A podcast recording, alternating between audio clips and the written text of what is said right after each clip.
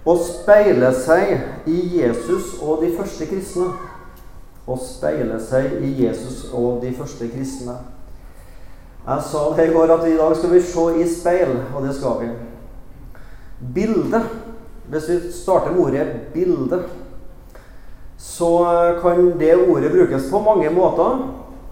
Jeg er av den gamle typen som jeg tar jo bilder med digitalt fotoapparat, men jeg må alltid skrive ut bildene. Og så har jeg en sånn razzia en gang hver sommer at jeg limer inn bilder i fotoalbum fra siste året. Det syns jeg er utrolig kjekt. Må liksom ha det i album. Og så blar jeg litt i det. Og så har det slått meg av og til når jeg blar i noen album, at Oi, vi var på ferie der og hadde det kjekt der. og Jeg trodde det var tre-fire år siden. Det er jo snart ti år siden. Oi, er det så lenge siden? Har du kjent den følelsen? Og så får jeg av det litt sånn Å, året har gått, altså. Wow. Litt sånn klump nesten i det indre. Liksom du kjenner litt sånn Oi, året har gått.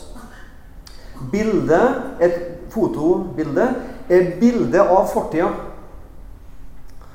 Men så kan vi ha et speilbilde. Og et speilbilde det er virkeligheten sånn som hun er her og nå. Når du ser inni et speil, så er det sannheten du ser. Den er speilvendt, men glem nå det. Men det er sånn som virkeligheten er her og nå. er speilbildet. Og så kan vi for det tredje snakke om forbilde. Noen som kan inspirere oss til ei ny framtid. Det kan være kanskje noen har noen idrettsstjerner, fotballspillere som er forbilde. Det kan være en politiker. Noen har en popstjerne, en sangerinne som, for, som, forbilde. Det kan være en annen kristen, det kan være en kristenleder som er ditt forbilde. Som kan inspirere ditt liv nå til å bli kanskje litt annerledes i framtida. Bilde, foto, fortid, speilbilde, nåtid og forbilde framtid.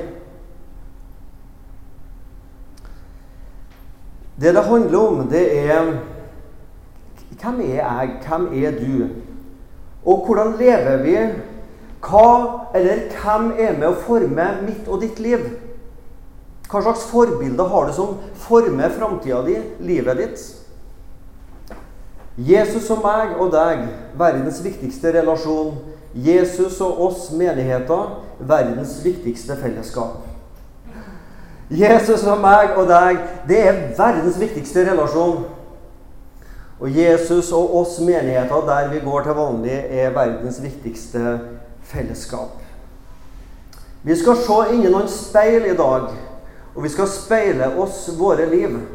Ikke for å sammenligne oss, for det har jeg snakka om en par andre bibeltimer. Faren ved å sammenligne seg, der vi sammenligner oss og blir enten hovmodig fordi vi sammenligner oss med noen som vi syns lever dårligere enn oss, eller vi sammenligner oss med noen som vi syns lever bedre enn oss, og blir mismodige. Det er ikke det jeg snakker om. Men jeg snakker om å speile seg i noen forbilder som kan være med å forme vår framtid. Og jeg skal snakke om å speile seg i Jesus.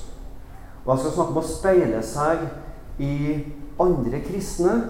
Sånn at det kan være med å inspirere oss til vårt hverdagsliv som en kristen. Vi skal se i noen speil. Og her skal vi bokstavelig talt se en som har kikka i et speil, og han fant ut hvordan han så ut. Uff, sa du. Ja, ja. Ærligheta dukker opp. Speilet forteller sannheten. Det er sannheten om dette mennesket som jeg har en viss forhold til. Det, det mennesket ser heldigvis ikke sånn ut alltid. Men om morgenen så ser det mennesket av og til sånn ut. Kikker seg i speilet. Og det var ikke bare inspirerende, det som man så i det speilbildet der. Har du opplevd det? Å, speile livet ditt, og så blir det litt sånn sukk og akk. Er det virkelig sånn jeg er? Og Nå tenker jeg ikke selvfølgelig i et sånn konkret speil, men sånn du skjønner det, overført betydning. Du, du møter deg sjøl i speilet, eller hva heter det for noe? Døra heter det vel? Og så Å, er det sånn jeg er? Og så blir det litt sukk og litt akk, og du blir litt mismodig. Et speilbilde viser meg mitt synsfelt, det som jeg er opptatt av, det jeg ser. Et bilde av Jesus viser Guds synsfelt. Synd, skuffelser, nederlag i kristenlivet gjør oss mismodige. Og jeg tenker av og til liksom åh, det nytter ikke. Å, det nytter ikke. Eller sånn er. Men vi kan se noe annet i speilet enn å bare se oss sjøl og si sukk Guds virkelighet, forbilde, framtida, men også nåtida, mulighetene, Guds virkelighet, verdens viktigste relasjon. Vi skal gå tilbake til 1700-tallet og til en tysker. Tror han var tysker. Han heter grev von Sinsendorf. Har du hørt om han? Ja, jeg tror han har hørt om han. Grev von Sinsendorf. Han levde fra 1700 til 1760. Han er en av det som heter pietismens fedre, som på en måte starta pietismen som en sånn kirkelig retning. Grev von Sinsendorf han var en gang på en kunstutstilling. Og På denne kunstutstillinga så, så han et maleri av Jesus korsfesta. Og Da han sto og betrakta dette maleriet av den korsfesta Kristus, så hørte han formelig sånn som at Gud sa til ham Dette har jeg gjort for deg. Hva har du gjort for meg? Dette gjorde jeg for deg. Hva har du gjort for meg? Og det synet av den korsfesta Kristus ble så sterkt for grev von Sinsendorf at det forandra livet hans. Og han og en del andre ble på en måte opphav til det vi kaller pietismen. Nå er dette begrepet pietisme veldig tungt lada, mange har negative tanker og forestillinger om det. Og noe av det kan sikkert være rett. Men hva var det egentlig pietistene ville for noe? Jo, for dem så handla det om det personlige, nære fellesskapet med Kristus. Jeg er ikke bare kristen fordi jeg tilhører et rett kirkesamfunn med en rett lære og med de riktige kirkelige ordningene. Men det handler om at jeg som enkeltkristen må ha et personlig forhold til Jesus Kristus. Jeg må se på Jesus og jeg må betrakte den korsfestede Kristus. Og Det handler for, handler for pietistene om å søke Guds nærhet og leve for Guds rike og ikke for verden. Prioritere Guds rike og ikke leve for de verste lystene. Det var i grunnen det som var pietistene sine store verdier, som vi gjerne kan ta med oss til vår tid. Grev von Sinsendorf han så den korsfestede Kristus og begynte å se på han i stedet for sitt eget liv. Romerne 8,29. De Gud kjente, bestemt til å bli formet etter eller likedannet med Hans Sønns bilde. Gud ønsker at du og jeg som kristen eh, skal bli forma etter og likedanna med Hans Sønns bilde. Det var et fint speil å se inn i. Det var et fint bilde å se på. Å se på Jesus og bli forma etter det. Du skal få to historier i dag om to prester. Dette er ikke oppdikta historier. Dette er historier som to prester og pastorer har opplevd. Den ene presten, som er en voksen mann i dag, han forteller da han gikk på ungdomsskolen eller gymnaset, at han, eh, han hadde en lærer som var litt sånn sur og tverr av natur. En bitter type, han. En kunstlærer. Og Det virka som om han ønska å la elevene egentlig kjenne hvor dårlige de var som elever. Så mens elevene fikk en oppgave og skulle tegne noe, så gikk denne læreren rundt, stilte seg bak eleven, pusta tungt, og så sa han Ja Og så gikk han sin vei. Og Det ble han lei etter hvert. da. Så denne som i dag er prest, han sa det at vi En dag han kom og stilte seg bak meg så visste jeg hva som kom, så jeg tenkte jeg vil ikke høre på den pustinga og dere Ja. Så da sa jeg Hva syns du om det jeg tegner? Og han svarte Ja Det her er nok det beste du har tegna dette semesteret. Og så gikk jeg. Men så sier han at en gang så lærte vi noe. For læreren han ga oss et blankt ark. Og så sa han nå skal dere tegne hånda deres. Ikke sånn som det der, der. Men dere skal tegne av hånda deres. Og så satte vi i gang. Vi så på hånda, og så tegna vi av hånda vår. Og denne gangen så gikk ikke læreren rundt og stilte seg bak og pusta og sa ja. Men han ble stående med kateteret. Og etter noen minutter så avbrøt han oss, og så sa han ja. Jeg har ikke gått rundt og kikka på det dere har tegna i dag. Men jeg vet likevel at det dere har tegna, det er et dårlig bilde av hånda deres. Ja, hvordan kunne han vite det? Hvordan kunne han vite det? Han sto jo bare der fram. Men så sa han noe virkelig interessant. Jeg har sett på dere. Og 80% av tida så har dere sett på avbildet, tegninga av hånda. Og bare 20% av tida så har dere sett på originalen, sjølve hånda. Så jeg vet at det dere nå har på papiret, er deres bilde i hodet av hvordan ei hånd bør se ut. Og ikke riktig så mye av hvordan deres hånd virkelig ser ut.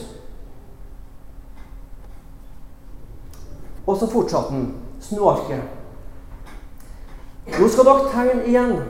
Men denne gangen så skal dere 80% av tida se på handa mens dere tegner. Ja, dere skal faktisk se på handa mens dere tegner, og ikke på tegninga. Og kun 20% av tida skal dere se på det dere tegner. Ja, ja, mener du at vi ikke i hele tatt liksom skal se på, men bare på handa? Ja. Og så sier han, som i dag er da er prest, at så gjorde vi det. Vi så på handa, og så tegna vi. Eller hvis de er høyrehendt. Så på handa, og så tegna vi. Og læreren han sto framme med kateteret, og etter noen minutter så avbrøt han oss igjen. Og så sa han uansett, uten å ha sett på hva dere nå har gjort, så kan jeg likevel si at framfor dere så er det den beste hånda dere noen gang har tegna, og sannsynligvis kommer til å tegne. For dere har brukt tida på å se på originalen mens dere tegner, og ikke på det dere tror skal være et riktig bilde av ei hånd. Jeg tror du tar poenget. Hvordan er det vi lever vårt liv som kristne? Ja, eh, ok, jeg må ha med meg to minutter med Bibelen i dag. Ja, ok, nå føler jeg meg litt velsigna. Og så går jeg ut og lever mitt liv. Når vi lever våre kristenliv, så skal vi se på Jesus mens vi lever våre kristenliv. Vi er så opptatt av å få til vårt liv og få det til å lykkes og ligne mest Kristus. Men hva om vi snudde på det og så på Jesus mest mulig hele tida? I bønn og i tanken. Og så levde våre liv. Da ville vi blitt forma etter og likedanna med hans sønns bilde. For vi former våre liv slik som kunstneren former ei tegning. Se på originalen mens du tegner. Se på Jesus mens du lever livet ditt. Og speile seg i Jesus forbildet, muligheten. Vi skal lese sammen fra apostelgjerningene kapittel 2, vers 42-47. Jesus kan vi speile og se på og formes av. Men vi kan sannelig ha også våre forbilder i de første kristne. De første kristne var ikke syndfrie de var syndere, de som deg og meg hadde sine feil og mangler. Det var ingen perfekt menighet den første menighet. Men disse versene er noe av det sterkeste versene som iallfall jeg vet av i Bibelen. Og som gir oss et bilde inn, et vindu inn i den første kristne menighet. Sånn hadde de det i den første kristne menighet. De, de første kristne i Jerusalem, holdt urokkelig fast ved apostlenes lære ved samfunnet, ved brødsbrytelsen og ved bønnene. Det er det vi kaller de fire b-ene. Og det kom frykt, ærefrykt, over hver sjel, og mange under og tegn ble gjort ved de apostlene. Alle de troende holdt seg sammen, og de hadde alt felles. De begynte å selge sine eiendeler og gods, og de delte ut til alle ettersom enhver trengte det. Hver dag kom de trofast og med ett sinn sammen i tempelet, og hjemmene brøt de brødet og holdt måltid med fryd og hjertelig glede. De lovet Gud og var velsett av hele folket, og Herren la hver dag dem som lot seg frelse, til menigheten. Har du hatt lyst til å være med i sånn menighet? Var dette en menighet som det kunne vært godt å speile seg i for våre lokale bedehus og kirker? Kan dette være en drøm? Tenk om vi kunne hatt mer av det i vår menighet, menighet, i vår kirke, på vårt bedehus. Jeg skal fortelle dere en historie om en prest, som også er en virkelig prest, en pastor i USA. Fra hans sine studentdager og hvordan denne bibelteksten forandra hans sitt liv. Dette er historien om student Bill og doktor B. Doktor B han var ikke en lege, men han var doktor Theol. Og så hadde han et langt og vanskelig østeuropeisk etternavn, så de kalte han bare for doktor B. Student Bill og doktor B. Vi er tilbake i midten av 70-tallet. Student B, student Bill.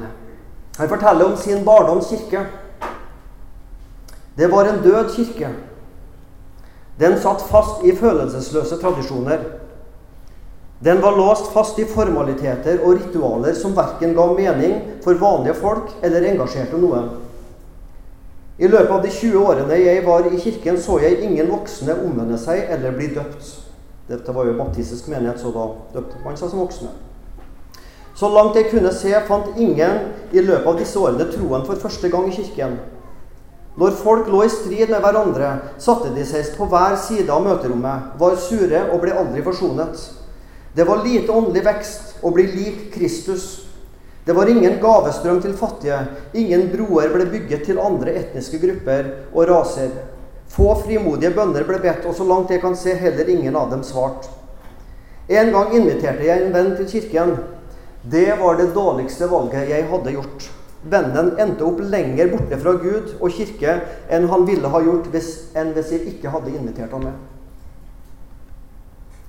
Så da student Bill flytta hjemmefra, så bestemte han seg å forlate det som har med kirke å gjøre. Noen få år senere så var han student på en eh, kristen college og satt i et klasserom og hørte på doktor B doktor Gilbert Belesikian, som argumenterte lidenskapelig for at det er ingenting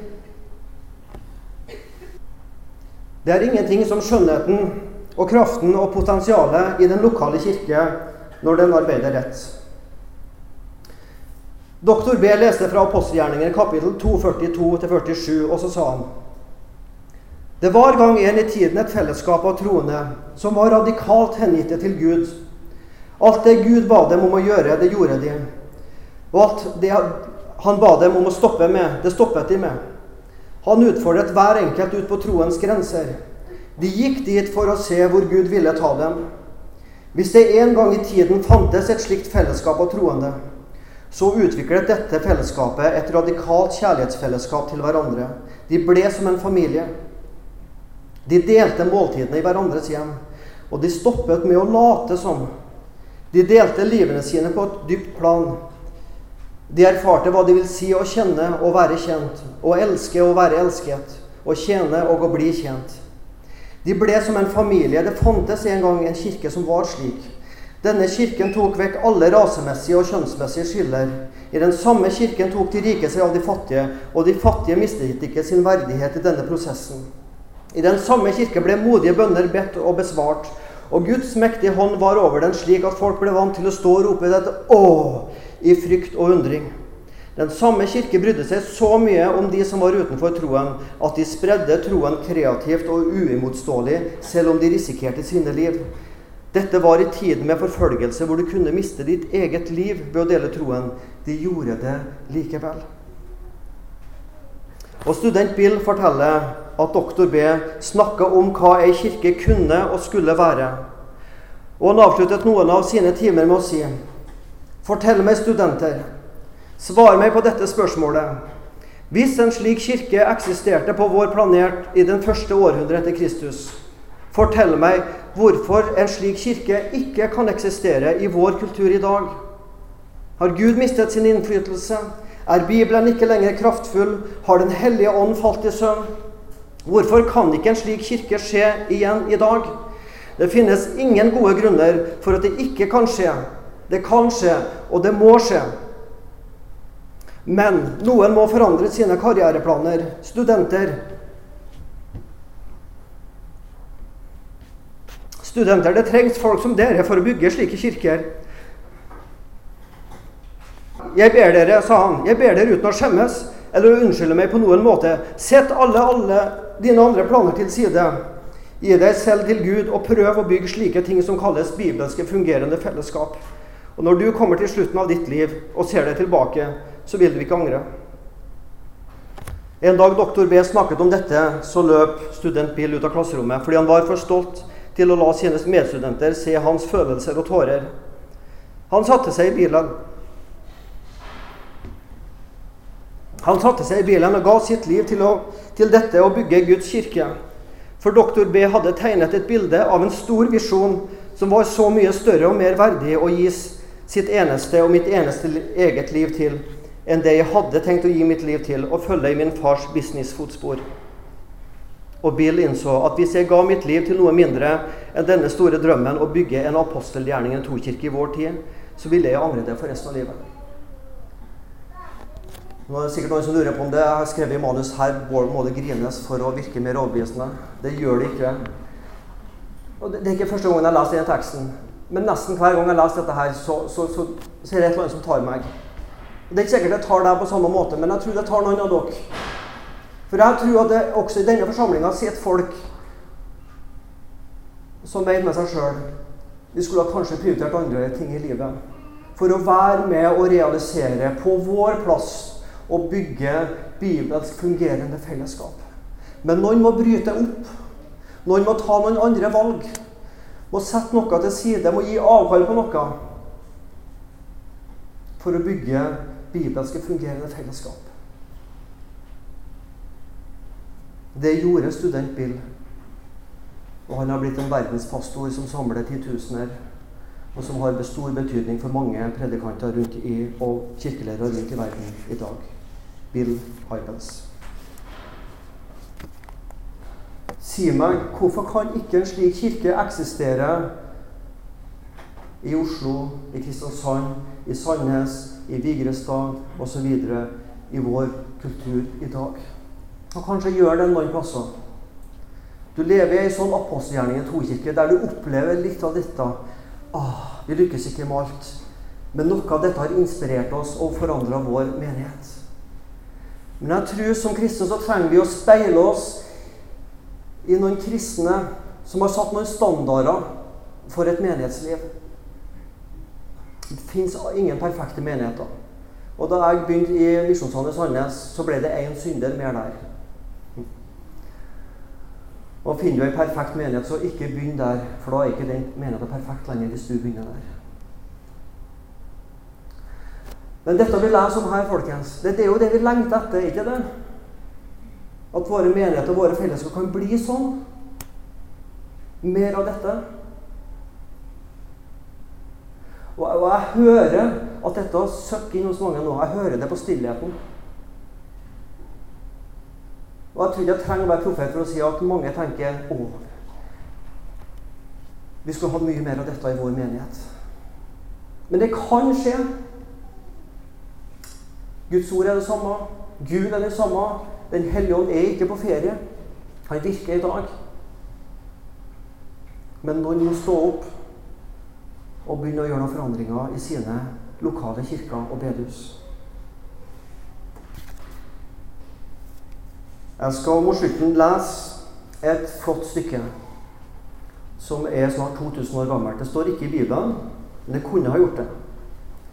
Det er skrevet i ca. år 150-200 etter Kristus, sannsynligvis av en kirkeleder som heter Justin Martyr. Og han skrev et brev som heter 'Til de ognet'. Og der skriver han om de kristne i verden. Og jeg leser et kapittel derifra. Det som skiller de kristne fra andre mennesker, er verken fedreland, språk eller skikker. De bor ikke i egne byer og taler ikke fremme tungemål. I sin daglige tilværelse avviker de ikke fra andre. Og deres lære er ikke frukt av dypsindig lærdoms logikk eller fantasi. Heller ikke representerer de noe menneskelig læresystem, slik som visse andre. De lever blant grekere og barbarere slik det har falt seg for hver enkelt. De følger stedets skikk med hensyn til klær og mat og atferd for øvrig. Og likevel er deres vandel slik at den vekker alminnelig undring og beundring. De bor i sine land, men som utlendinger. De tar del i alt som borgere, men finner seg i alt som fremmede. Ethvert fremmed land er for dem et fedreland, ethvert fedreland et fremmed land. De gifter seg som andre og får barn, men setter ikke ut sitt avkom. De deler bord, men ikke ekteseng, altså med andre enn sine ektefeller. De er i kjødet, men lever ikke etter kjødet. De bor på jorden, men har sitt hjem i himmelen. De adlyder de gjeldende lover, men gjør dem overflødige gjennom sin livsførsel. Var ikke det fint sagt? De adlyder gjeldende lover, men gjør dem overflødige gjennom sin livsførsel. De elsker alle og blir forfulgt av alle. Man kjenner dem ikke, og likevel fordømmer man dem. De blir slått i hjel, men de blir gjort levende. De er fattige, men de gjør mange rike. De mangler alt, men de har overflod i alt. De blir vanæret, men i vanæren vinner de heder. De spottes, men de får sin rett. De blir utskjelt, men de velsigner tilbake. De blir ydmyket, men viser ærbødighet. Når de gjør godt, så straffes de som forbrytere, og når de straffes, så gleder de seg fordi de føres til livet. De bekjempes som fremmede av jøder og forfølges av grekere, men de som hater dem, kan ikke forklare årsaken til sitt hat. For å si det enkelt hva sjelen er i legemet, det er de kristne i verden. Sjelen er spredt i alle legemets lemmer, og de kristne i alle verdens egne. Sjelen bor i legemet, men er ikke av legemet. Og de kristne bor i verden, men er ikke av verden. Bibelsk fungerende fellesskap. Hva er Guds drøm for ditt bedehus, din menighet? Hva er din drøm for bibelsk fungerende fellesskap? Jesus og meg, du og Jesus, verdens viktigste relasjon. Jesus og sin lokale menighet, verdens viktigste fellesskap. Herre Jesus, jeg kommer så til kort. Både med å sammenligne meg med de første kristne, og ikke minst med deg. Men jeg vet Jesus at jeg er en kristen sjøl om ikke jeg når opp på noen som helst måte. For min trygghet er i deg og i din rettferdighet. Men jeg ber likevel Jesus at, å takke for at det forbildet du er, og de første kristne er, det kan være med å inspirere meg og oss med her til, til et kristenliv Jesus som vekker beundring og spørsmål hos andre mennesker. Og jeg ber Jesus for de lokale plassene som vi tilhører, vi som er her nå, når vi kommer hjem igjen. Herre, at vi kan være med å bygge bibelske, fungerende fellesskap som trekker hundrevis av mennesker til seg Jesus. Der mennesker opplever at sine liv blir forandra. Ikke først og fremst i møte med vellykkede kristne, om det fins, men i møte med deg, Jesus. Herre, velsign oss til det. Amen.